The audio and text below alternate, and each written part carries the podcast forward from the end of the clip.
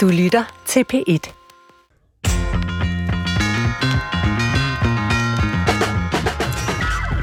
På den ene side er søskende bare nogen, man er endt under samme tag med.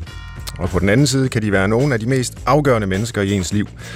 At være søskende er en helt særlig konstellation, der på godt og ondt er et livslangt forhold. Typisk kender man sine søskende i længere tid, end man kender sine forældre, sin ægtefælle og sine børn. For som søskende kan man jo følges ad hele vejen fra barndom til alderdom. Det er jo skønt, når man har gode relationer til sine søskende, men det kan desværre også give nogle nærmest livslange problemer. I dag dykker vi ned i, hvad det vil sige at have søskende på godt og ondt. Velkommen til Brinkmanns Brix. Nå, til Christoffer Heidehøjer. Vi har jo egentlig forladt efterårets tema om børn og unge og den slags, men så sagde du, at vi simpelthen manglede et emne, og det var det her om søskende.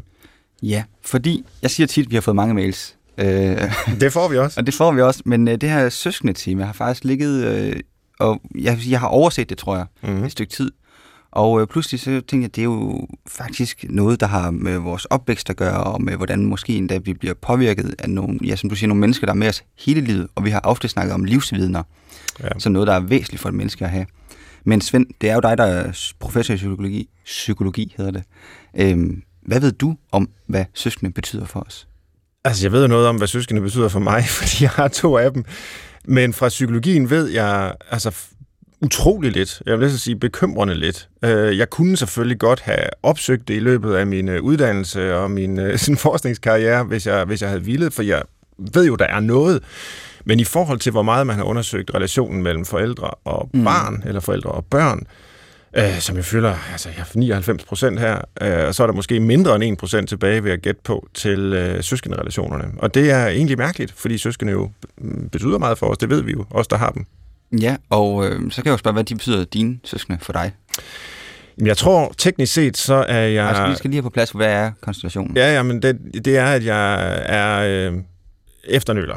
Mm-hmm. Så jeg har en storesøster, som er 10 år ældre end mig, og en storebror, der er 7 år ældre end mig. Og det betyder, at jeg vist nok teknisk set kan regne som ene barn, eller i hvert fald en pseudo ene barn. Nå, Øhm, så jeg husker jo min barndom som en, hvor... Altså, jeg legede jo ikke med mine søskende. Men øh, de var der, vi var på ferie sammen, og, og det var lidt som nogle sådan ældre øh, typer, som øh, man kunne gå til og så videre, men som ikke... Øh, som ikke helt var på niveau med mig. Det er de jo så blevet nu, øh, og vi har et rigtig godt forhold nu, hvor vi er blevet øh, voksne og midaldrende. øhm, og det, er- ja, det er jeg utrolig glad for. det forklarer jo meget, at du egentlig var ene barn. ja, det vil så vise sig. Det er også noget det, vi skal dykke ned i, om, øh, om, om det egentlig siger noget om ens person. øhm, og apropos det her med, om man er enebarn eller har søskende. Jeg, jeg voksede op der i 90'erne og 0'erne, og der var det sådan, at øh, enebørn øh, var lidt nogle særlinge nærmest. Det var sådan, når der var nogen i, i fodbold, på fodboldholdet, der ikke havde nogen søskende, så, var det, sådan- så kunne de andre forældre godt gå og sige et eller andet sådan, det er Ja. ja. underligt, eller sådan, der, de har nogle mærkelige vaner, eller tænker kun på sig selv, eller sådan noget. Så, og under, under det tænker jeg, at der var en idé om, at søskende er godt. Ja. Søskende lærer en noget. Søskende giver sociale relationer. Søskende lærer en, at man skal er en del af en flok, og det er rigtig, rigtig sundt og godt og rigtigt. Ja. Øhm, tror du, at der er noget om det? Helt ærligt, så tror jeg, det er en myte. Øh, det lyder jo intuitivt rigtigt, men der er rigtig meget af det, der lyder intuitivt rigtigt, som ikke kan bakkes op af, af undersøgelser, når man dykker ned i det.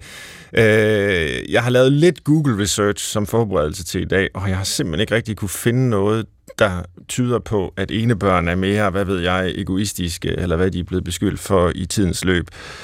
Måske er de en smule klogere, enebørn, ligesom den første i søskendeflokken, øh, er statistisk set en lille smule klogere end de yngre søskende. Øh, men det kan jo forklares meget nemt med, at man har simpelthen mere øh, voksenkontakt øh, i sin barndom.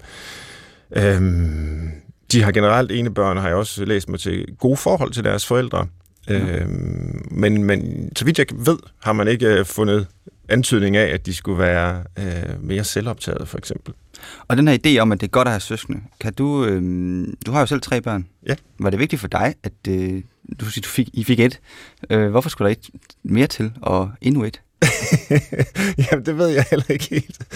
Øh, altså, det var jo ikke sådan... Det er jo fordi, vi synes, det er dejligt at, at have børn og være en familie, men, men det er jo ikke fordi, at vi sådan har haft en plan om, at det ville være godt for nummer et, at vi også fik en nummer to, og så ville det være godt for nummer et og to, at vi også fik en nummer tre. Altså, det har jo ikke været familieplanlægning ud fra søskende størrelsen. Nej. Øh, på den måde overhovedet. Det her det har vi ikke skænket en tanke. Det er ikke, hvad min kone har, jeg har ikke. Nej, men, og hvordan fungerer det? Altså, tre børn. Er det ikke et godt antal? Det synes jeg. Altså, det er jo øh, sådan, at når man har tre, så er de pludselig overtal mm. i forhold til de voksne i familien. Og det, det kan jeg huske, det slog mig lidt som noget voldsomt. Øh, altså det, det, det mest voldsomme ved at få et barn, og det ved du også selv nu, det er der, når man kommer hjem og har det her barn, og pludselig går det op for en, nu har jeg ansvaret for det her menneske, øh, sammen med, så i mit tilfælde med min kone, ikke også? Men altså, nu er det os, der skal stå for det her.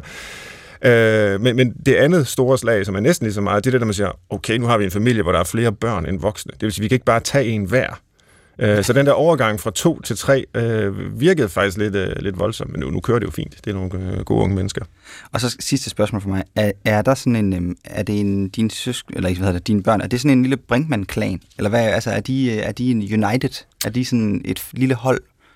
Ja, de er meget forskellige. Øh, men jeg synes da, at vi har sådan en familie, et familiesammenhold, hvor vi øh, har nogle fælles øh, nørdede interesser heldigvis. Så jo, der er bestemt også meget, der, der forener dem på tværs af, ja, hvilken øh, nummer de har i søskenflokken, og hvilke køn de har.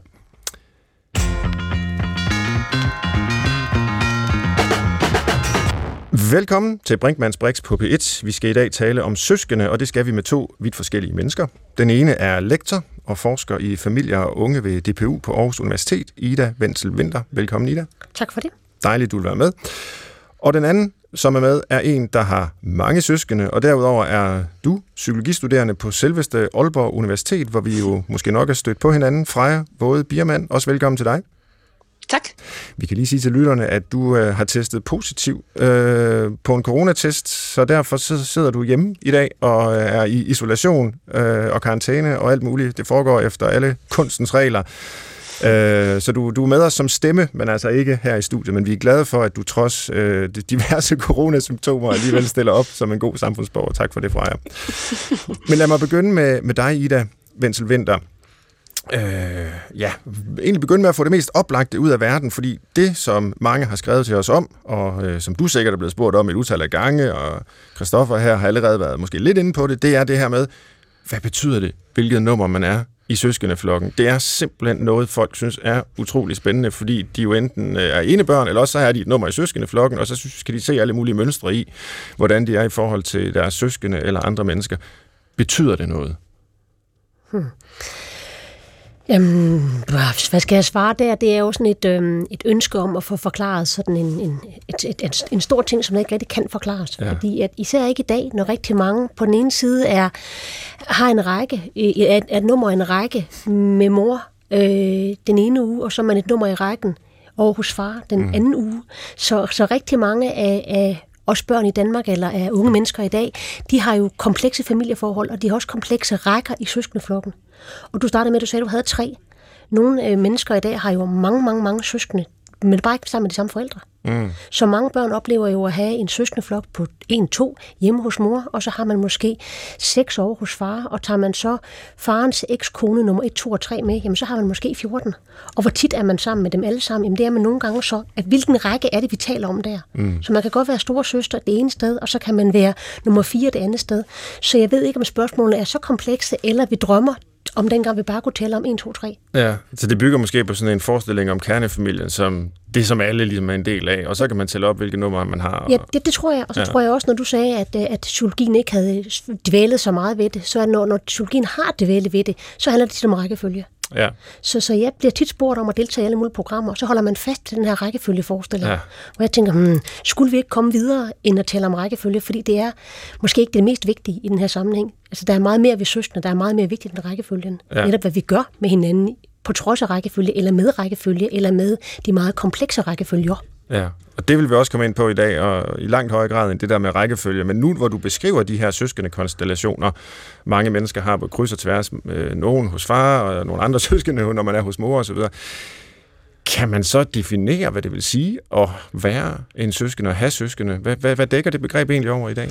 Altså man kan sige, det er at det være søskende, eller have søskende, eller det er i høj grad et vilkår. Altså man, man bestemmer ikke selv, om man har søskende, ligesom man ikke bestemmer, hvilke forældre man er født af. Mm. Men man, man, nogen får søskende, nogen får ikke søskende, og nogen får mange søskende. Så det er i høj grad et vilkår, ja. som man så kan gøre forskelligt ved. Så, så vi plejer i vores forskning at tale om, at man kan have søskende, og man kan være søskende, men i høj grad så gør man også søskende. Altså søskende er i høj grad noget, som man praktiserer. Mm. Altså man gør forskellige ting. Du sagde, når I havde forskellige nørdede ting med hinanden. Mm. Det er i høj grad, du, du taler om, at dine børn, de gør noget med hinanden, eller I gør noget som Brinkmann-klanen. Mm. Altså det der med, at man har interesser, eller man tager på ferie, eller man taler med hinanden, og du taler med dine søskende. Altså det er nu, man forholder sig til og gør noget med. Så, så, så, så den måde, vi er kommet frem til den forskning, jeg har lavet omkring det, så mine kollegaer, det har i høj grad været, jamen søskende er en, øh, altså det er et, et komplekst fænomen og en kompleks størrelse, men det er også noget, der forandrer sig hen over tid. Ja. Øh, og det er i høj grad noget, man gør. Mm. Så det, det er både en praktisk, men også et følsomt, øh, eller det er følsomme relationer nu er søskende jo ikke en beskyttet titel. Altså, man, man må sådan set selv om, hvem man kalder sine søskende. Det er klart, der er en biologisk realitet, hvor man er genetisk beslægtet. Så må man sige, så er I, I biologisk set søskende. Men, men kan man vælge at sige, nu er, er vi søskende? Eller, altså, eksemplet kan jo også være, du var selv inde på det, hvor man måske er hos en, lad os sige, en papfars øh, familie, og, og han har så nogle børn med en kvinde, som, som, som heller ikke er ens mor, øh, så man er overhovedet ikke biologisk beslægtet med dem, men er det almindeligt at opfatte den slags relationer som, som søskende relationer? Øh, også der må jeg sige, hos nogen ja, og hos ja. andre ikke. Mm. Øh, fortællingerne om, hvem der er rigtig søskende, hvem der er ikke er rigtig søskende, den er, den er udpræget. Og også hos, øh, når, man, når man spørger, hvem er din søskende, så siger man, jamen, skal jeg sige, hvem der er biologisk søskende, eller skal jeg forklare, hvem det er, jeg har relationer med? Eller hvad siger de over i skolen? Fordi i skolen er man ofte interesseret i, eller i nogen sammenhæng, hvem er de rigtige? Ja. Så man kan godt blive mødt af sådan en rigtighedsforestilling om, jamen, hvem er dem, der er rigtige af dine søskende? Ja. Selvom mange af dem, vi har arbejdet med, de taler om, jamen, når jeg tegner mine søskende, så er, det, så er det alle mulige forgreninger. Så er der nogen, jeg har mere at gøre med end nogle andre. Men man kan også godt holde op med at være søskende igen. Så nogen taler i høj grad om, jamen man kan godt være søskende for en periode. De biologiske, de bliver hængende, for der deler man biologi. Mm. Og så kan det godt gå over 30 år eller 50 år, og så skal man pludselig til et arv, eller forældrenes hus, eller andet. Og så er man nødt til at være søskende igen, fordi der er sådan nogle praktikalitet og jura-ting, som kaster en sammen.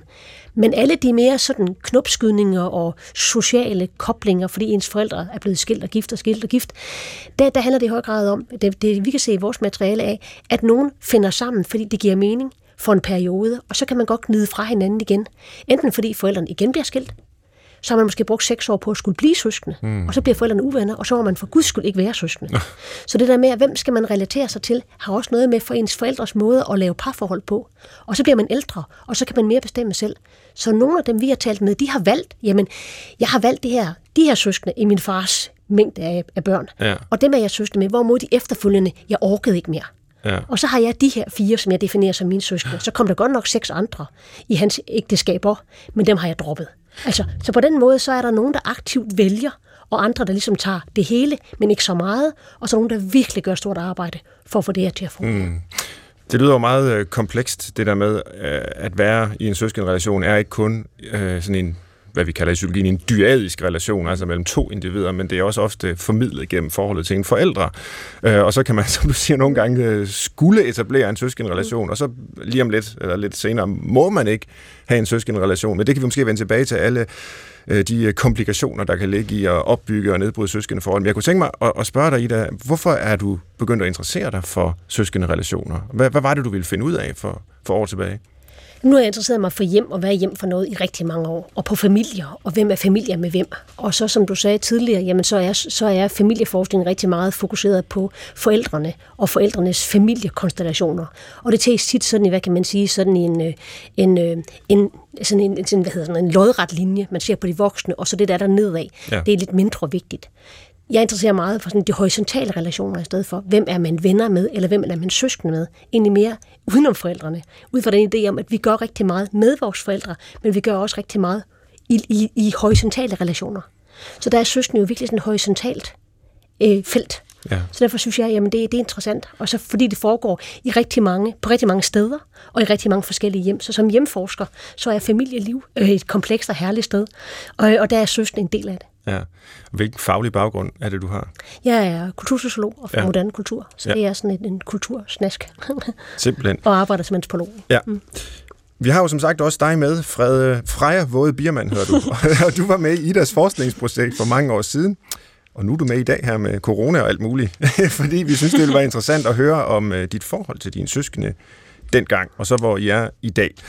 Men måske kan du begynde med at fortælle mig, hvordan din familie ser ud. Jeg ved bare, at Christoffer har fundet dig, fordi du vist nok har sådan uh, interessante familie- og søskende relationer, men, men hvordan ser de ud? Øh, ja, det er næsten, næsten en lang historie.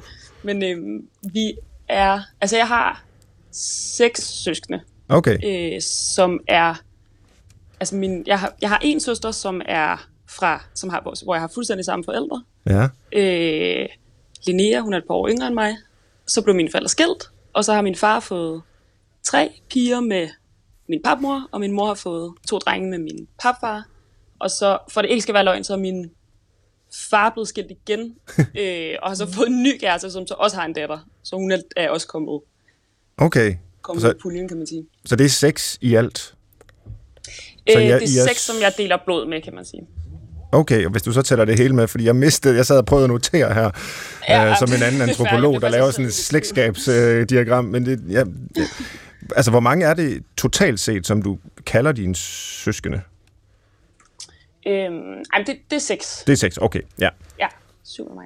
Hvordan så det ud dengang, øh, du først deltog i, i Idas forskningsprojekt? Var, var, det, det, mm. var det også øh, med de relationer her? Det kan du måske altså, ikke huske. Jo, jo, jo, det kan jeg godt. Øh, altså, det, der, der er lige sådan en skilsmisse siden, hvor der er kommet noget pap ind, men, øh, men ellers, ja. ellers var det det samme. Ja. Okay. Øhm, hvordan øh, har I haft det som øh, søskenflok? Det er selvfølgelig et meget stort og åbent spørgsmål, men øh, hvis jeg skal sammenligne med mig, jamen så øh, er jeg ude fra sådan en kernefamilie. Mine forældre var øh, gift øh, ja, hele deres liv, indtil min far døde, øh, og jeg har aldrig prøvet andet end at bo med mine to biologiske søskende. Og nu beskriver du det her sådan noget mere øh, sådan kludetæppe-agtige øh, familiemønster. Hvordan har det været? Jeg ved godt, du har ikke prøvet andet, så det er selvfølgelig svært at svare på, men, men hvad vil du sige, øh, du, har, du har oplevet som, øh, som del af den her søskendeflok?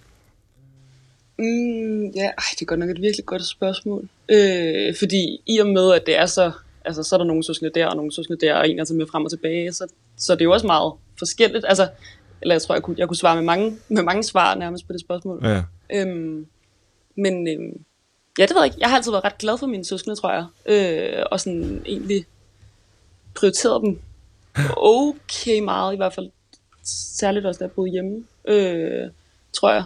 Og måske, det ved jeg ikke, om det også har haft noget at gøre med det her med at være, netop have dem spredt ud, eller sådan, at det ligesom var øh, sådan, sådan lidt mindre en, en givet ting, end når man bor sammen hele tiden, og ligesom fuldt, altså hele tiden er, er påtvunget hinanden, eller hvad man skal sige. Ja. Har der været perioder, i og med at der har været forskellige øh, skilsmisser og ja, nye konstellationer, der er dannet, har der så været perioder, hvor, hvor I ikke har set hinanden i løbet af, af jeres opvækst? Mm, nej, altså øh, der har været nogle lange rejser og sådan noget, øh, men ikke sådan, ikke sådan perioder på år, hvor vi ikke har set hinanden. Okay. Nej, det har der ikke. Vi vender tilbage lidt senere til, øh, hvordan det går øh, mellem jer i dag, men øh, først så skal vi lige forbi og tilbage til Ida Ventel Vinter her, fordi Frejas familie er jo langt fra den eneste, der ikke har den her snorlige søskendeflok, som jeg jo for eksempel er vokset op med. Kan man sige noget generelt om, hvordan det går for de nye måder her at være øh, søskende på? Det er jo i hvert fald noget, vi i psykologien også gerne vil undersøge. Det her, det med, altså det her med, hvordan man, man trives. Øh, er det øh, trives øh, børn, der har forældre, der er blevet skilt lige så godt som øh, børn af forældre, der ikke er blevet skilt? Øh, og, og alt den slags. Ved man noget om, øh, hvad det betyder for børn at have sådan nogle øh, brogede søskenrelationer, hvis jeg må kalde dem det? Altså, det, det er jo altid skønt, hvis man ligesom kan isolere et fænomen. Ja. Og det vil man jo gerne gå ind for sådan noget trivsel. Det vil sige, er der, er der, en, er der, er der alkohol, eller er der kriminalitet, eller er der skilsmisse, så kan det slå ud som en faktor i, at den næste generation bliver det ene eller det andet. Og det ser man, det er sådan nogle kausalitetslogikker øh, hvor man prøver ligesom at, at sige, det er grunden til, at det gik godt eller gik skidt. Og det er jo komplekst her, fordi søskende er jo bare en blandt mange ting. Det kan jo også være med, hvordan skilsmisserne så er gået, eller hvordan forældrene har støttet op i, man så hinanden, eller om man har boet tæt på hinanden. Eller, altså, der er enormt mange elementer i det. Det er ikke blot antallet af søskende, det er jo i høj grad måderne, familierne griber an på. Det er, at de har børn spredt ud. Så, så jeg tror ikke, man får så meget ud af at sige, jamen, de komplekse familieforhold, de betyder, og så kan man komme med to-tre forklaringer. Man kan sige, at når man lever i de her sammenhænge, så er det meget, meget komplekse relationer, som mange af børnene virkelig bliver gode til at skulle håndtere. Mm. Og Freja her taler jo om, hvordan, og nu taler jeg jo, fordi jeg har talt med rigtig mange ja, med Freja tidligere, ja. fordi Freja indgik sammen med hendes andre søskende i det her projekt, så jeg har talt med de fleste af Frejas søskende okay, ja. i den her sammenhæng, så, så jeg kender ligesom familierelationerne her øh, rimelig godt, i hvert fald fordi de har fortalt, øh, eller det jeg har set, for jeg har fulgt dem, og vi har lavet en film med de her børn. No. Øh, så på den måde, så, så kan man sige, at meget af det handler jo også om, hvad, hvad gives man muligheder for? Så mit ja. svar vil blive igen, det kommer igen an på, hvordan familierne griber det, at de har mange børn. Så i nogle familier, der bliver det en kæmpe styrke, at man opøver en evne til at skulle relatere til så, så mange, og gribe til så mange, og skulle forholde sig til at have et kludetæppe. Men for andre, der er det at blive delt, der kan man næsten blive delt og delt, så man bliver ikke bare, altså man bliver minimeret. Mm. Så en ting er at blive delt, man kan også blive fordelt, man kan også blive for, altså delt så meget op, at man helt forsvinder. Ja. Så den her idé om det godt eller skidt, det tror jeg, man må svare igen irriterende øh, hvad hedder det, på, på at sige, at for nogen bliver det en fordelingsform, som giver en en styrke, men for andre bliver fordeling hakket så meget i stykker, at man helt forsvinder. Ja. Var der noget ved Frejas øh, familie dengang, som du fandt særligt interessant, siden du så har fulgt mm. dem, og der lige frem er kommet en film ud af det også? Jamen altså, så, som jeg så det, der var Freja jo virkelig, og hendes søster også, jo også nogen, der virkelig tog det på sig. Mm-hmm. Altså som de store i familien, der gjorde de jo enormt arbejde ud af øh, og øh, sikre sig, at der blev bundet alle mulige snore. Og noget af det, som, som har slået mig, som jeg har brugt, og som Freja også har fortalt om, skal tage med om, det er, at hun havde sådan en planche hængende i sin nye lejlighed, hvor der var billeder af alle hendes søskende, som hun sagde, det er min søskende, og det er også mig.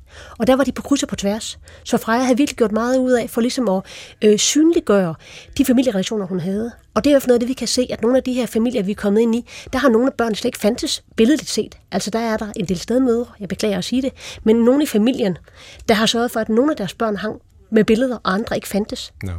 Og i Frejas sammenhæng, der gjorde hun meget ud af, ikke? Øh, at, at de blev bundet sammen, og man simpelthen visuelt kunne se, at her var de bundet sammen. Og det gjorde man også ude i de forskellige hjem. Så hvordan det, man binder de her sløjfer, det betyder noget. Og det er selvfølgelig et meget tydeligt udtryk for, hvem man opfatter som sine søskende. Altså portrætter, der bliver hængt op på væggene, og mm. søskende, eller hvad de nu er, som måske ikke bliver hængt op på væggene selvfølgelig. Og du talte tidligere om det her med, at det at, at være øh, søskende, det handler ikke kun om, hvad man er, øh, måske rent genetisk og biologisk, men det handler også om, hvad man gør. Og det her det er jo så noget, man kan gøre, det du beskriver nu. Men hvad vil du i øvrigt sige, at man gør for at gøre børn til søskende, eller hvad gør børn for at gøre sig selv og, og deres søskende til en søskende flok? Øh... Nu, nu er vi snakket rigtig meget om de sammenbragte familier, fordi ja. søskende handler jo rigtig meget også om dem, der ikke er sammenbragte, men de klassiske. Ja. Og vi har ligesom delt det op, når jeg siger vi, så er det min kollega Eva Gulløv, Charlotte Paludan og øh, Mads Reder, som jeg har arbejdet med i den her sammenhæng, øh, med at dele det op på en måde, hvor, hvor vi talte om smalle og korte søskende. Og det er sådan en familie ligesom din, selvom du så har nogle år op til dine søskende. Mm. Så er det, at man har de samme forældre, og der er en relativt kort aldersspredning i, i søskendeflokken. Den kalder vi kort og smal. Og så har vi de lange og brede, som er Frejas, hvor der er mange forskellige forældre og mange søskende. Og vi har op til 14-15 søskende i relationerne i vores materiale. Så der er mange, fordi især at, er der mange af fædrene, der har været gift mange gange og får sådan serielt to-tre børn med dem alle sammen. Ikke? Og det er ikke, fordi jeg er specielt optaget af køn, det er bare det, vores materiale viser her. Ja. Jeg beklager i den her sammenhæng. Men, men, øh, men det, man kan se, det er, at søskende handler rigtig meget om, altså når man har, har søskende, jamen så, så spiser man mad sammen, man sparker hinanden under bordet, og man børster tænder, og man ser, så ser man den ene serie, den anden serie i sofaen, eller så spiller man FIFA, eller også så spiller man noget andet, eller så har man nørdet interesser med hinanden. Så rigtig meget handler om på den måde at dele hverdag.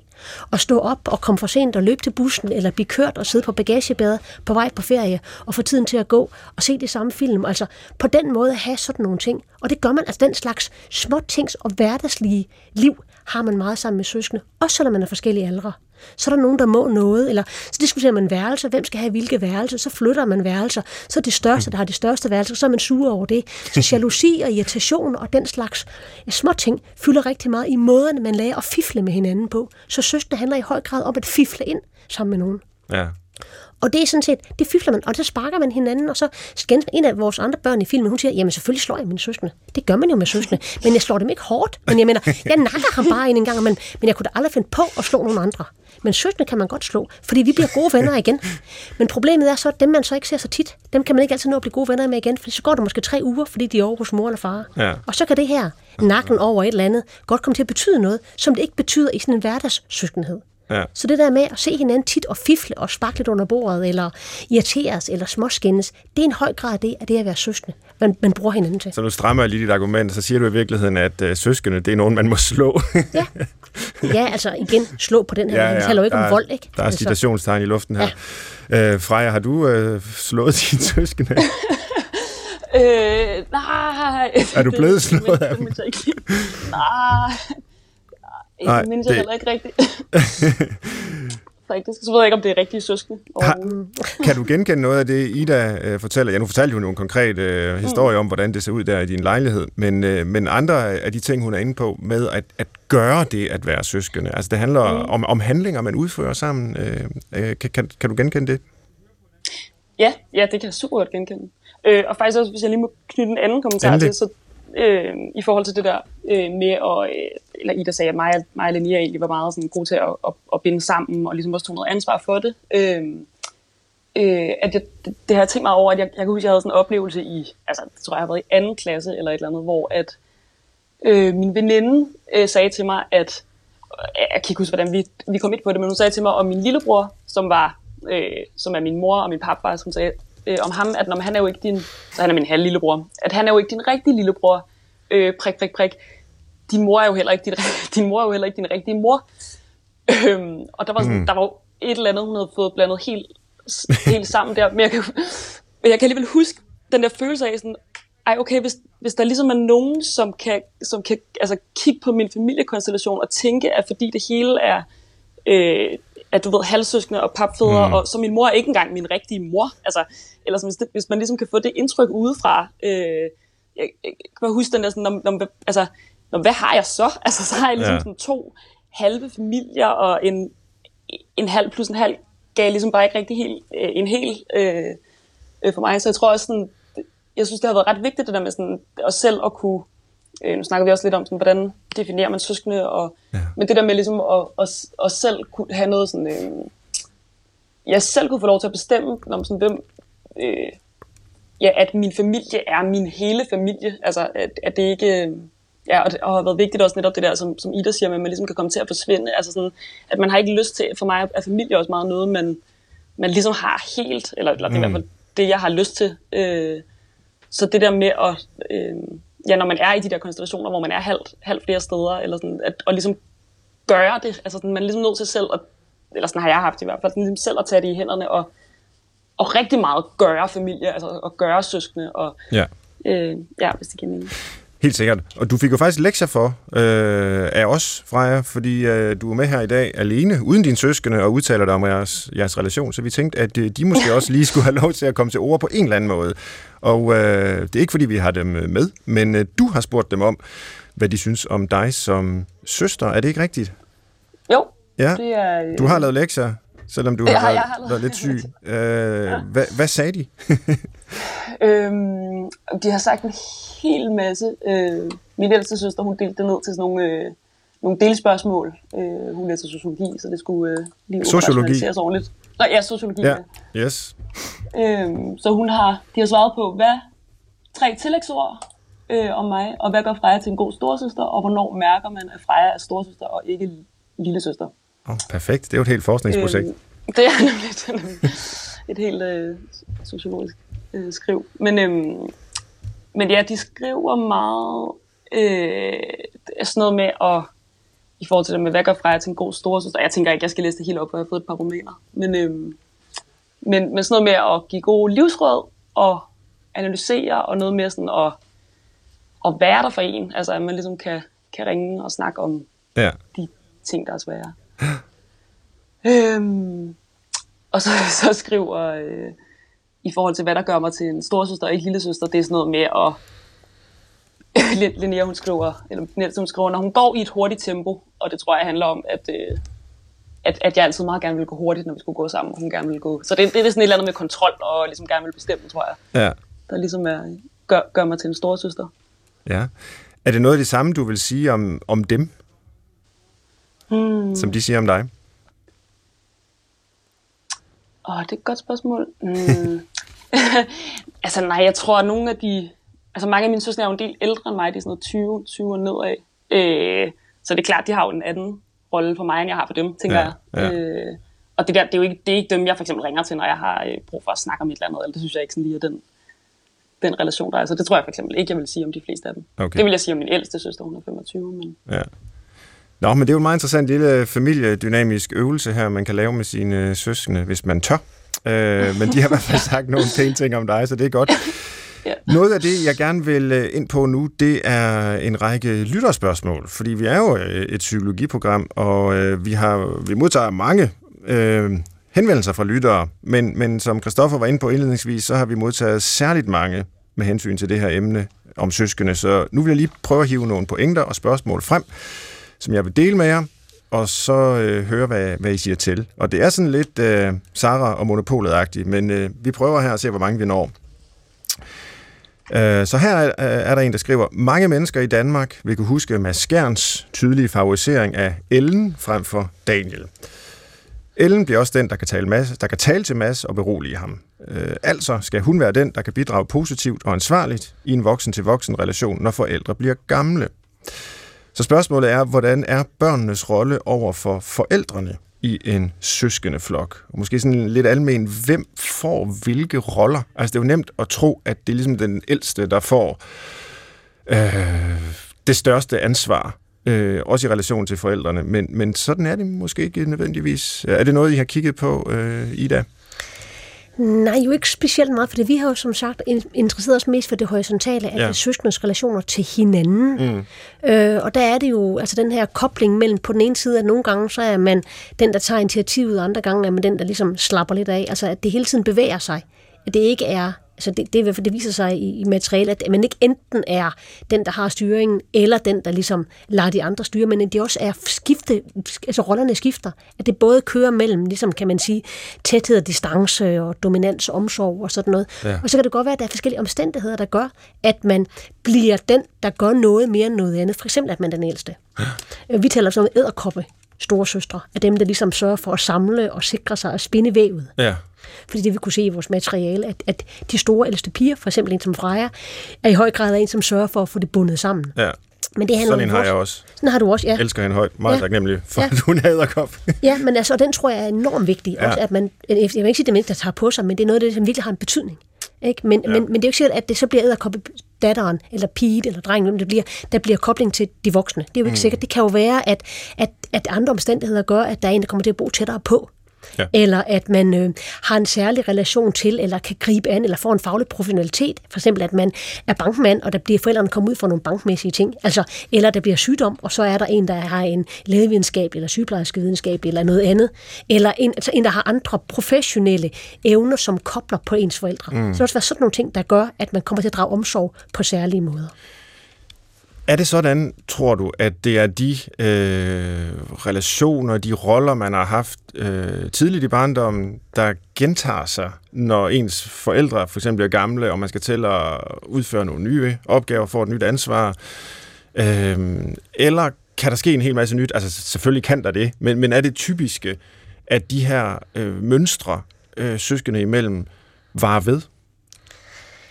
Det er jo igen sådan et dejligt psykologspørgsmål. Ja, Så, jeg er jo psykolog. Øh, ja, og det er jeg jo så ikke. Nej. Så derfor kan jeg jo igen ikke, vi har jo ikke set dem over lang tid. Nej, Men nej. det man jo kan se, det er, at, at det vi af, det er, at det, er meget, det, det forandrer sig, hvis man lader det forandre sig. Man kan også lade det størkne. Ja. Så det handler jo også om, lader man sig ligesom blive ved med at være lillebror, med den, den der, altså okay, jeg er den mindste, og jeg ligger ligesom i slipstrømmen, og I tager ligesom føringen. Så det er en rolle, der passer mig meget godt, kunne du sige, Svend, der ligger jeg lige, og de andre har føringen, så jeg ligger mig lidt tilbage og lader jer køre. Det er en rolle, du godt kunne tage. Du kunne også lade være. Altså, Ja. man, man er også medspiller i det her. Helt sikkert. Men der er helt klart nogle roller, som bliver givet, og som man så kan bokse med. Ja. Men hvor meget man bokser, og hvor meget man lader sig bokse, det er jo også i, hvad er det for nogle sammenhænge, man har. Ja. Og også, hvem er det, man så skal bokse imod. Imod, fordi man kan jo også have ting, som gør, at man gentager mønstre. Der kan der være masser af, det kender vi jo. Altså, ja. vi falder jo i i gentagelige mønstre masser af gange. Men det kan jo være, at tingene forandrer sig, så jeg tror, vi skal se på potentialerne, men vi skal se på de gentageligheder. Mm. Hvad siger Ej, du? en kommentar til Ja, endelig. Jeg skulle til at spørge dig, Freja, om, ja. om du ja. vil kommentere. Øh, ja, øh, det er bare fordi, jeg har tænkt over, at øh, altså i forhold til ting, der, der ændrer sig, at mig og min, øh, min ældste søster, øh, vi, da, vi var, da vi var børn, var jeg helt klart meget sådan den, der øh, åh, snakkede meget, dominerede meget og tog kontrollen meget. Og, øh, og hun, hun synes, det var mega træls. Øh, og, og jeg kan bare sådan se det ret tydeligt, at nu øh, i forhold, vores, øh, begge tos forhold til vores yngre søskende, der er, sådan, der er rollerne ret meget bygget, byttet om. Altså, hvor jeg tror, at jeg mm. ligesom har fået sådan en sådan, puh, jeg, jeg, jeg gider ikke være hende der mere. Eller sådan, nu er jeg ligesom blevet, åh, der er blevet rullet øjne øh, af mig over det så, så mange gange. Så jeg sådan, oh, det, det skal jeg bare ikke have noget at gøre med at være hende der storsøsteren, der tager styringen. Eller sådan, hvor øh, Linnea til gengæld, altså helt klart, hun er meget mere sådan om, da, Sofus, kan du lige? Eller sådan, skulle vi lige? Og ja, bare sådan et meget sjovt eksempel på, ja. at det jo også kan kan ændre sig. Ja, men helt sikkert. Øhm, der er et spørgsmål her, jeg, øh, jeg tøver lidt med, men nu prøver vi alligevel. Det er nok også et virkelig sådan psykologisk spørgsmål, og det er ikke sikkert, at nogen af jer kan svare på det. Øh, jeg ved ikke, om jeg selv kan, det tror jeg ikke. Men nu prøver jeg lige, fordi det er lidt øh, sensitivt på en måde. Det handler netop om, øh, hvorfor forældre har det med nogle gange at favorisere nogle af deres børn. Så det er jo så den her øh, vertikale øh, relation. Ifølge den amerikanske psykolog, skriver en, Ellen øh, Weber Libby, har enhver mor eller far en naturlig tilbøjelighed til at kunne lide et af deres børn bedst. I sit fagpsykologiske bidrag fra 2010, bogen The Favorite Child, arbejder den her øh, forsker netop med dette tabubelagte emne i vores kultur. Og hvis det er sandt, og det er der angiveligt noget, der tyder på, hvad stiller vi så op med favorisering? Øh, nu kan vi prøve at begynde med dig, Freja, måske, og det er, du må bare sige, det gider jeg ikke at svare på, sådan gider jeg ikke analysere mig selv og vores øh, søskende, eller dine søskende, men, men har, har du følt nogle gange, at nogen af jer er blevet favoriseret, eller det modsatte? Hmm. Og ja, jeg tror faktisk måske mere, at jeg har oplevelse med det modsatte. Altså, ja. øh, vi har været i den der pap, papforældre-konstellation, hvor man kan sige, at det er sådan meget, ligger meget for at, at favorisere sine egne børn, kan man sige, frem for sine papbørn, hvor jeg synes, jeg har været meget heldig med nogle papforældre, der har jeg gjort meget ud af, at, øh, at, at alle børn var deres børn. Eller sådan. Så okay. jeg, jeg, jeg tror måske ikke, jeg har så meget... Øh... Nej. Det lyder også som om, at øh, I generelt i jeres familiekonstellationer er en utrolig eksemplarisk øh, case. Det er, også, jamen, det er rigtig dejligt at, at, at have den historie med. Øh, Ida, har du noget at sige til det her med favorisering? Jamen, det kan jeg sige meget om. Nå, okay. Fordi, fordi at, jamen, det er fordi ikke, altså, egentlig ikke så meget i forhold til hendes analyser, øh, men mere, at familien er jo en, øh, nu siger jeg kampfelt, så det lyder det så voldsomt, men altså både hjem og familie er jo en kampplads. Mm. Det skal vi jo huske. Altså, når vi taler om hjemmet, så siger Falk jo straks, at hjemmet er det farligste sted at være. Ikke? Altså, for det, vi taler altid om hjem, jeg skal godt gøre det meget kort, men som det mest fantastiske idyller, skal bo bedre hjem. Men spørger man Falk, så er det der, de fleste ulykker sker, altså folk kommer til skade, og det der kvinder bliver slået, og det der børn bliver misbrugt. Altså hjemmet er et farligt sted, og ja. familien er et farligt sted.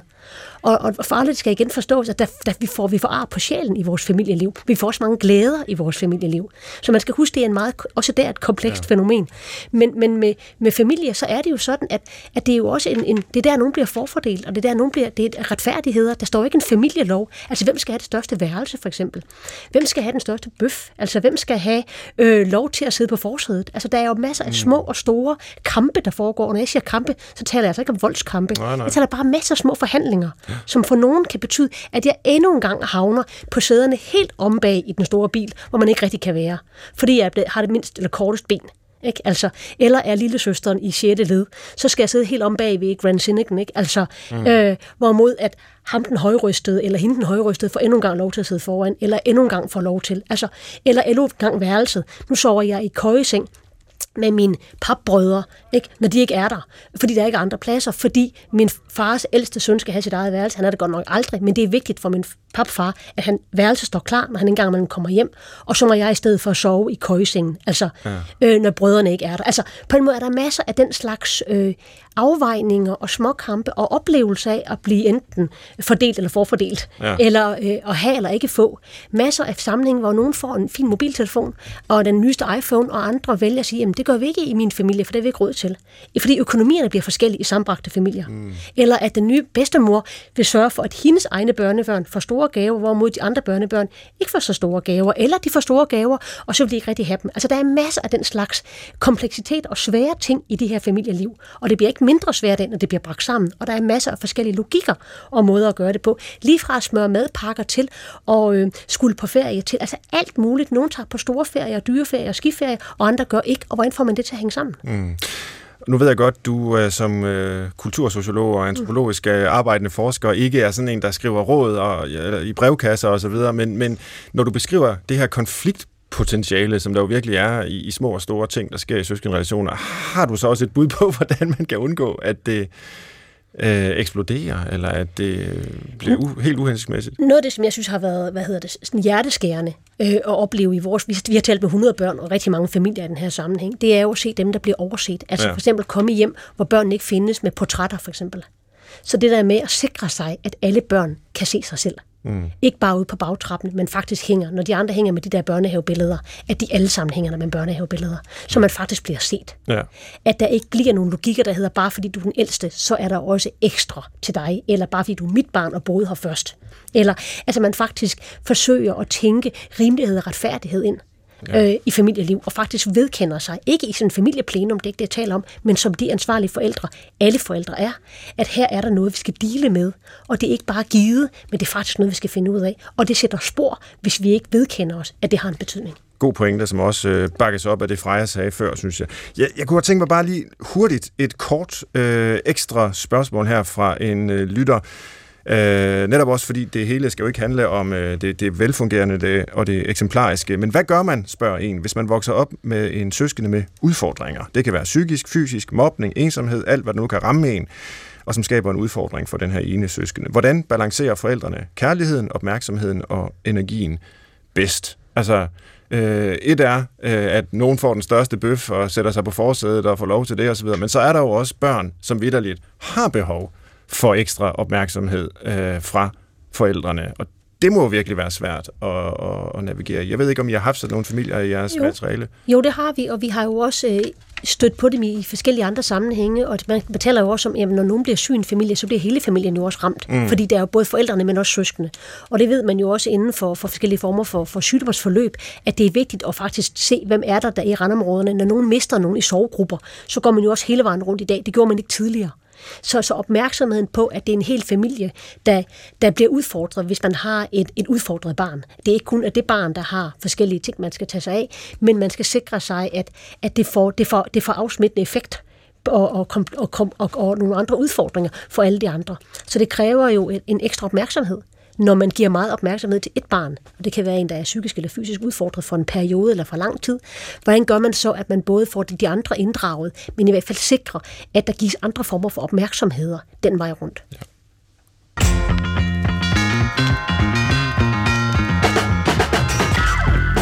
Du lytter til Brinkmanns Brix i dag med Ida Wenzel Winter, der er lektor ved DPU Aarhus Universitet, og med Freja Våde Biermann, som er psykologistuderende på Aalborg Universitet og en del af en stor søskendeflok. Vi har også tilrettelægger Christoffer Heide Højer med, som jeg ved elsker de der historier med, at den ældste klarer sig bedst, som vi kort var inde på i øh, begyndelsen. Hvorfor ja, gør du det, Christoffer? Dem dyrker jeg jo ja. altid, øh, når jeg har mulighed for det, fordi jeg har tre yngre brødre, ja. og tænker, at øh, mit liv er selvfølgelig det bedste. Det, det, det viser alt, alt min, alt, alt, min, alt mit data i hvert fald. Ja. Nej, men det jeg godt kunne tænke mig at høre om, det er jo, for jeg undrer mig over, hvorfor, kan man sige, sådan, nu taler jeg bare helt bredt med forskning og måske psykologien, ikke har beskæftiget sig super meget med det her med søskende relationer. Øhm, så er det bare fordi, det ikke er så vigtigt i virkeligheden? Altså er det fordi, at, som du siger, øh, Ida, det er noget, der er der, det er et vilkår i livet, det er noget, vi kan sige, gå sådan kan bokse med, men det er jo nu engang nok mest forældrene, uddannelsen, det miljø, man ellers vokser op i, øh, og så videre, som afgør, hvem man bliver, og hvordan man bliver til den. Altså er det, øh, er det egentlig bare sådan lidt en, øh, en sjov ting, vi kan dele øh, som et Facebook-opslag ny Har jeg jo den ældste, jeg klarer mig godt. Altså er, er søskende afgørende for, hvordan ens liv bliver? Og kigger på dig i det. Jamen, jeg tror endnu en gang, kan vi ikke sige, at det er afgørende. Det er, det er, det er, af, det er, det er også en vigtig faktor. Altså, jeg, mm. altså, nu er jeg jo hele tiden irriterende, fordi jeg ligesom breder det ud og siger, at der er mange faktorer, men, men, men ind i en, en opvækst og ind i en måde at blive menneske på, så, så er, er dem, man deler liv med, vigtige. Øh, men vi voksne har det jo med indimellem at tænke os selv som de vigtigste. Så ja. måske det er derfor også, fordi det er de voksne, der skriver, at det er den vej rundt, man, man forklarer det. Øh, men, men mange gange er det jo med børnene eller ens med søskende, man deler livet. Det er dem, man tager øh, med frem og tilbage til, til Jylland eller til København, når man er skilsmissebarn. Det er jo ikke forældrene. Det er jo dem, man sidder i toget med. En af dem, som, som, som vi havde med i vores projekter, som vi også lavede film med, han, hun sagde, at jeg har intet med min bror at gøre, når vi sidder på togturen. Men vi nåede ikke engang Valby Bakke, før at hun lagde foden i lillebrorens fod, og, eller skud, og han sad og æde hendes fod hele vejen til Jylland. Så det godt, at de ikke verbalt havde noget med hinanden at gøre, men de var jo helt klistret sammen. Og det er man jo ikke på forældrene på samme måde, når man er 18 så er man ikke klistret sammen fysisk længere, men man kan være det psykisk. Så jeg vil sige, at familieliv og opvækstbetingelser og relationer, altså, der var en, der det tager en hel landsby og opdrage et barn. Ikke? Altså, vi er søskende er med til det, og medspillere på alle mulige måder, også selvom vi ikke sætter så stor øh, fokus på det. Så jeg tror, at søskende er monstervigtige i vores liv, øh, også selvom der ikke har været stor fokus på det. Og Freja, hvad, hvordan har du det så med dine, øh, som jeg kalder det, livsvidner nu? Altså dem, du har delt opvækst med og historie med. Er de, er de afgørende for, hvem du er blevet? Helt klart. Helt klart. Altså, øh, Hvordan? ja, og man kan sige sådan, mm, åh, men på mange forskellige måder, men altså for eksempel min el, ældste øh, søster Linnea, vi, vi er, hun er helt klart, hun er en af mine altså, bedste venner nu, og vi ses eller snakkes sammen flere gange om ugen, og altså, øh, så på den måde har hun jo en ret, ret afgørende betydning. Øh, og det har alle de andre også, altså, øh, Ja, eller, ja. ja, ja, men det... Ja, ja, men, men jeg har svært ved sådan lige at sige præcis, hvordan. Altså, øh, Jamen det er klart, men... at det måske det, det, der er med søskende, det er jo, at det ikke er soleklart, at man kan svare på, når de er vigtige, fordi, men de er der, og det, det er nok. Men, men blandt andet også, fordi jo, det er jo, altså, så er det også en periode, altså, man ikke, måske ser man ikke sin søskende så meget.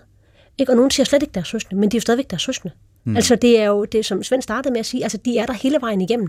Og så måske bliver de mere aktuelle, når man bliver 70. Mm. Så man har jo også relationer, man havde tætte, man boede sammen med, da man var lille, eller ikke så mm. så meget forskelligt. Og så kan det gå mange år, man bor forskelligt, når man rejser udlands. Man gifter sig måske med en, og ens partner og ens en anden søskendes partner kan slet ikke fungere, og man får børn, der er helt forskellige. Der kan være alle mulige ting, som gør, at man ikke ses. Og så pludselig bliver der begivenheder, for eksempel at ens forældre bliver gamle eller dør, eller man skal dele arven, eller man bare får lyst til, faktisk vildt nostalgisk, så vender man måske mm. tilbage i nogle andre sammenhænge. Så på den måde mener jeg også, at den bevæger sig, de her. Så det er svært at sige, at de de vigtigste? Nej, men de er vigtige. Mm. Men der er mange forskellige grunde, tror jeg, og det skal man holde fast på. Der er sådan en fantastisk scene også... i, uh, i Godfather 2, hvor uh, Frank Pentangeli, han skal vidne mod Corleone-familien, og øh, det vil de jo ikke have, og så får de fat i hans bror fra Sicilien, som bare bliver fløjet over og bliver sat ind i den her retssag, eller retssal, og de har ikke set hinanden i øh, år, eller måske årtier, og det er, at Frank Pentangeli, han bare ser sin bror kigge på ham, så ved han, okay, jeg kan ikke forråde den her familie. Øh, ja, det er måske for insiders, der elsker Godfather-trilogien lige så meget som mig, men, men som bare siger noget om øh, det der fascinerende noget, at man måske ikke har set hinanden i årtier, og så bliver man 70, eller der sker et eller andet, eller ens forældre dør, eller der er en krise på anden vis, og så er der måske øh, de her søskende igen. Plus, at der kan også være ting, hvor man tænker, at vi har ikke så meget med hinanden at gøre, men alligevel er man klar til simpelthen at give sin højre arm, ja. eller sin lunge, eller sin nyre. Det ser man jo i sådan nogle sammenhæng. Ja. At så kommer der sådan nogle store øh, livsbegivenheder, og så trækker man tilbage til, til søskende relationerne ja. igen, fordi man står op på en eller anden måde for hinanden. Det er ikke for at gøre det rosenrødt på nogen måde, men der er sådan nogle ting. Og samtidig er det jo også sådan, lidt nu fortæller Freja om det fantastiske i hendes familie søskende relation, og det er jo skønt at høre, og du taler om en vellykket relation der med, med dine søskende. Men vi kan også godt tage de gode historier op. Men, men hvad hedder det? Det er jo en del af normen, der hedder, det er godt at have søskende. Mm. Og det er jo også en historisk fortælling. Men det er også benhårdt at have søskende. Altså, det skal man også huske. Det, er også være, det kan også være hjerteskærende at have søskende. Det kan være svært, at man ikke ser. Søskende kan være fyldt af sværhed. Og det synes jeg også er et vigtigt element at huske at nævne i det her. Der kan være masser af jalousi blandt søskende. Så der er alt sådan noget, som gør det komplekst og svært. Jeg har lige et spørgsmål mere til Freja, fordi at, øh, jeg fornemmer på nogle måder, at vi er lidt i samme båd i forhold til at være sådan flyttet hjemmefra og ikke helt have stiftet kæmpestor familie selv endnu. Så man er i det der limbo med at have nogenlunde jævnaldrende søskende, hvor man, som du siger, du, du venner med din, med din, øh, din ældste søster. Men hvad mm. laver I egentlig sammen? Fordi jeg synes jo, nogle gange jeg har haft besøg af mine øh, brødre, så har jeg tænkt, hvad skal vi egentlig lave? Fordi normalt, når man er søskende, så er man jo derhjemme ved sine forældre. Og der er nogle rammer, og de er givet, og dem har man været vant til. Men så lige pludselig så står man på egne ben i godsøjne, og så skal man finde ud af, hvad skal vi give os til? det er jo ikke bare, vi skal ikke bare sidde på en lang øh, hvad hedder det, tur til, til Sydeuropa på, bagpå, hvor forældrene har bestemt, hvor vi skal hen, men lige pludselig så skal vi selv finde ud af, hvad, hvad delen skal vi lige lave sammen. Har du, har du nogle gode råd eller erfaringer med, hvad man, hvad man skal give sig til som voksne søskende? Ja, åh, det er et godt spørgsmål. Mm. Altså, jeg tror måske meget lidt mere, at vi sådan lidt atypiske. Vi, laver, altså, vi, vi, vi har også boet sammen og arbejdet sammen, og okay. lige nu klatrer vi sammen med nogle af hendes øh, venner. Og jeg ved sgu ikke rigtigt, hvordan det ligesom er kommet dertil. Altså, fordi sådan har det overhovedet ikke altid været. Altså, så meget har vi slet ikke med hinanden at gøre på den der, øh, har valgt det selv måde, da vi var små. Altså, øhm, men, øhm, men jeg tror måske, det bedste råd er bare, bare gøre et eller andet. Altså, øh, vi har da lige sådan skulle opfinde det lidt, tror jeg, med, med måske nogle af vores øh, yngre, yngre søskende, altså da de lige pludselig begyndte at, at have en alder, hvor man kunne, øh, kunne lave alle mulige ting, men ja, hvad fanden laver vi? Så tager vi ud og, og er i øh, virtual reality øh, en dag og har det sjovt med det, eller i eksperimentaret, eller... Altså det er rimelig aktivt valg, at nu mødes vi og tager vi hen og laver noget helt bestemt. Ja, ja. Altså, og det er ikke fordi, vi gør det øh, øh, en gang om måneden overhovedet. Altså, så er det meget sådan noget, så, så giver vi måske det i, i fødselsdagsgave, øh, eller et eller andet sådan for at få... Men, men ja, det er helt klart sådan et aktivt valg om, at sådan, det, det kunne være fedt at lave noget øh, uden, uden vores forældre, for, for bare lige at være os. Øh, men som, men ja, som, som, jeg, som sådan ligesom skal aktivt, eller som for os i hvert fald har skulle nok sådan lidt aktivt opsøges. Det er ikke, fordi vi sådan lige ringer jeg ringer ikke lige til min, min, min lillebror på 20 og siger sådan, hey, skal vi hænge? Nej, øh. men at, og må så spørge med et frækt spørgsmål, fordi er det, er det så lige så sjovt at hænge ud med sine søskende, som det ville være, hvis du bare havde taget eksperimentaret med to af dine gode veninder? Og nu skal Freja søskende lige slukke radioen, ja. mens Freja svarer, så jeg svarer helt ærligt.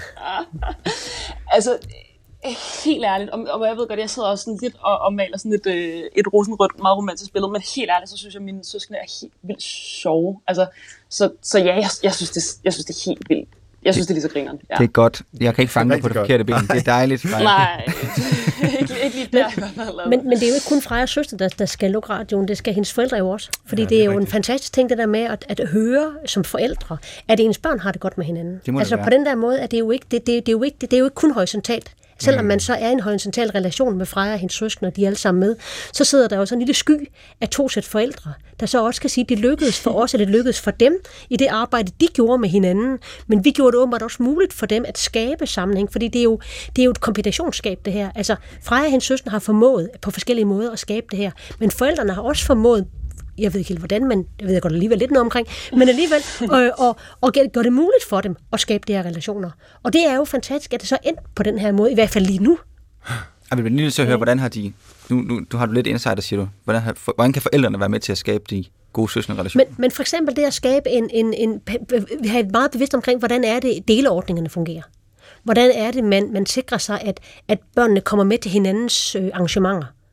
Øh, også selvom man godt kan føle sig lidt malplaceret, når man nu er hjemme hos øh, ens øh, små søskendes papmors tantes fødselsdag. Så kan man godt føle sig lidt bitte smule fortabt der, ikke? Men så er det rart at have sit livsvidende Linnea med, når man nu sidder hjemme hos Faster Gyda. Jeg ved ikke, om hun hedder Faster Gyda. Sorry, Frej, det kan jeg ikke huske.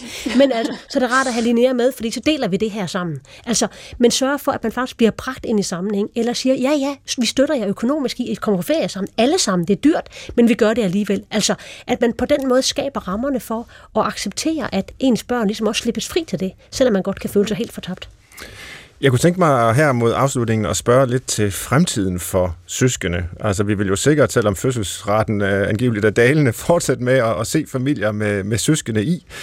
Øh, men, men helt tilbage fra ja, 80'erne, 90'erne, 0'erne, der stod i sociologibøgerne og i kronikkerne i aviserne, at vi lever i et individualiseret samfund. Man vælger selv sin identitet, man vælger måske også selv sine relationer hvem man vil øh, identificere sig med og tilbringe tid med. Og så har vi talt i dag om noget, man ikke selv vælger. I hvert fald ikke fuldt ud, nemlig søskende. Øh, hvordan tror du, det vil udvikle sig, Ida, med hensyn til søskende? Kan, de, kan søskende relationer klare individualiseringen, om jeg så må sige? Overleve den? Ja, fordi jeg tror at i høj grad øh, er det jo blandt søskende, men jo både lever sådan en pendulfart mellem på den ene side tæthed og distance og dominans og omsorg, og at man identificerer sig, men samtidig er man meget selvstændig. Så den her individualisering bliver også spejlet op mod dem, man er sammen med. Mm. Så på den ene side, så er vi os selv, men vi er os selv sammen med nogle andre og de andre kan godt være mange eller færre. Så jeg tror, vi i høj grad spejler os, og bliver ved med at spejle os med vores søskende. Øh, men igen, det skal, gøres muligt, det skal gøres muligt i forskellige sammenhænge. Så det er igen noget med at, at, at understøtte det. Men vi har jo et samfund, som virkelig prioriterer også det. Altså folk bor jo i store, store huse med mange værelser, og sådan børn ikke er der ret tit. Så, så på den måde lægges der jo stadigvæk også rent materielt op til, folk køber store biler, så de kan have alle deres børn. Ikke? Og det er blevet muligt teknisk at have alle de her sæder i bilerne. Så, så der, der er meget fokus på, at det skal gøres muligt faktisk, at ens børn skal kunne være sammen. Ja. Så jeg tror, at, øh, at søskende har stadigvæk en, øh, en mulighed. Men, men det er helt klart noget, vi skal arbejde på. Vi skal også acceptere, at det kan forandres over tid, og der er nogen, der er mere knyttet til nogen end nogen andre. Ja.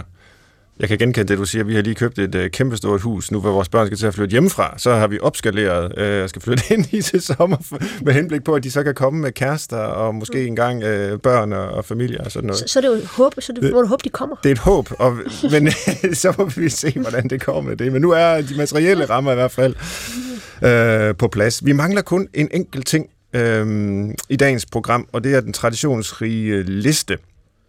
Og øh, nu har vi jo talt om øh, søskende, og det omvendte af det, kan man sige, er det at være enebarn. Og det var vi lidt inde på i begyndelsen, så det kan vi også runde af med her, som en form for ja, modsætning til det at have søskende.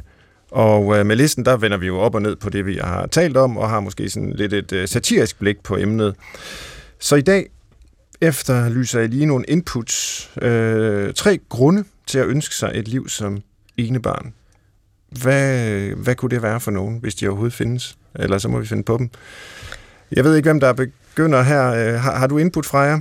Sidder du derhjemme og, og har tid til at, øh, at forberede dig rigtig grundigt? Øhm, ja, her i min, i min situation. ja. øhm, det ved jeg ikke, så man altid kan få lov til at sidde på forsædet. Ja, du får altid. ja, det, det er et godt bud. Ja, ja, Skriv lige ned. jeg ved ikke. Det er simpelthen øh, det er den eneste fordel, der er.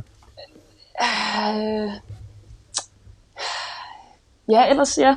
Jamen, det er også meget tankevækkende. Det er lidt synd for dem, der er enebørn, som lytter til den her udsendelse. Det kan være, at vi skal lave øh, en udsendelse næste uge om, om det at være enebarn. For lidt, fordi det har været, selvom også vi har talt om konflikterne og problemerne ved at have søskende, så har det jo sådan set været, øh, synes jeg, utrolig opløftende at høre om, hvor, hvor vigtige og fantastiske søskende, søskende relationer kan være.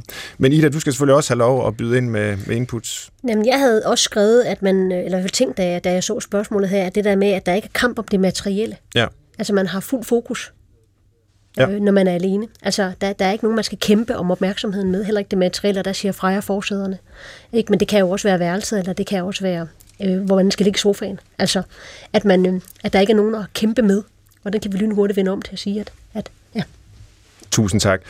Du har lyttet til Brinkmanns Brix på P1, og jeg vil gerne sige tak til lektor og forsker i familie og unge ved DPU Aarhus Universitet, Ida Wenzel Winter, og psykologistuderende fra Aalborg Universitet, og en del af, hvad der lyder som en skøn og sammensat flok af mennesker, som også er søskende, Freja Våde Biermand. Til retlægger Christoffer Heide Højer og jeg, Svend Brinkmann, siger tak for denne gang. Vi sender som sædvanligt i næste uge. Vores programmer ligger i DR Lyd. Tag endelig høretelefonerne på, og lyt til nogle af de mange emner, vi tidligere har belyst. God uge, til vi høres ved igen. Tak for nu.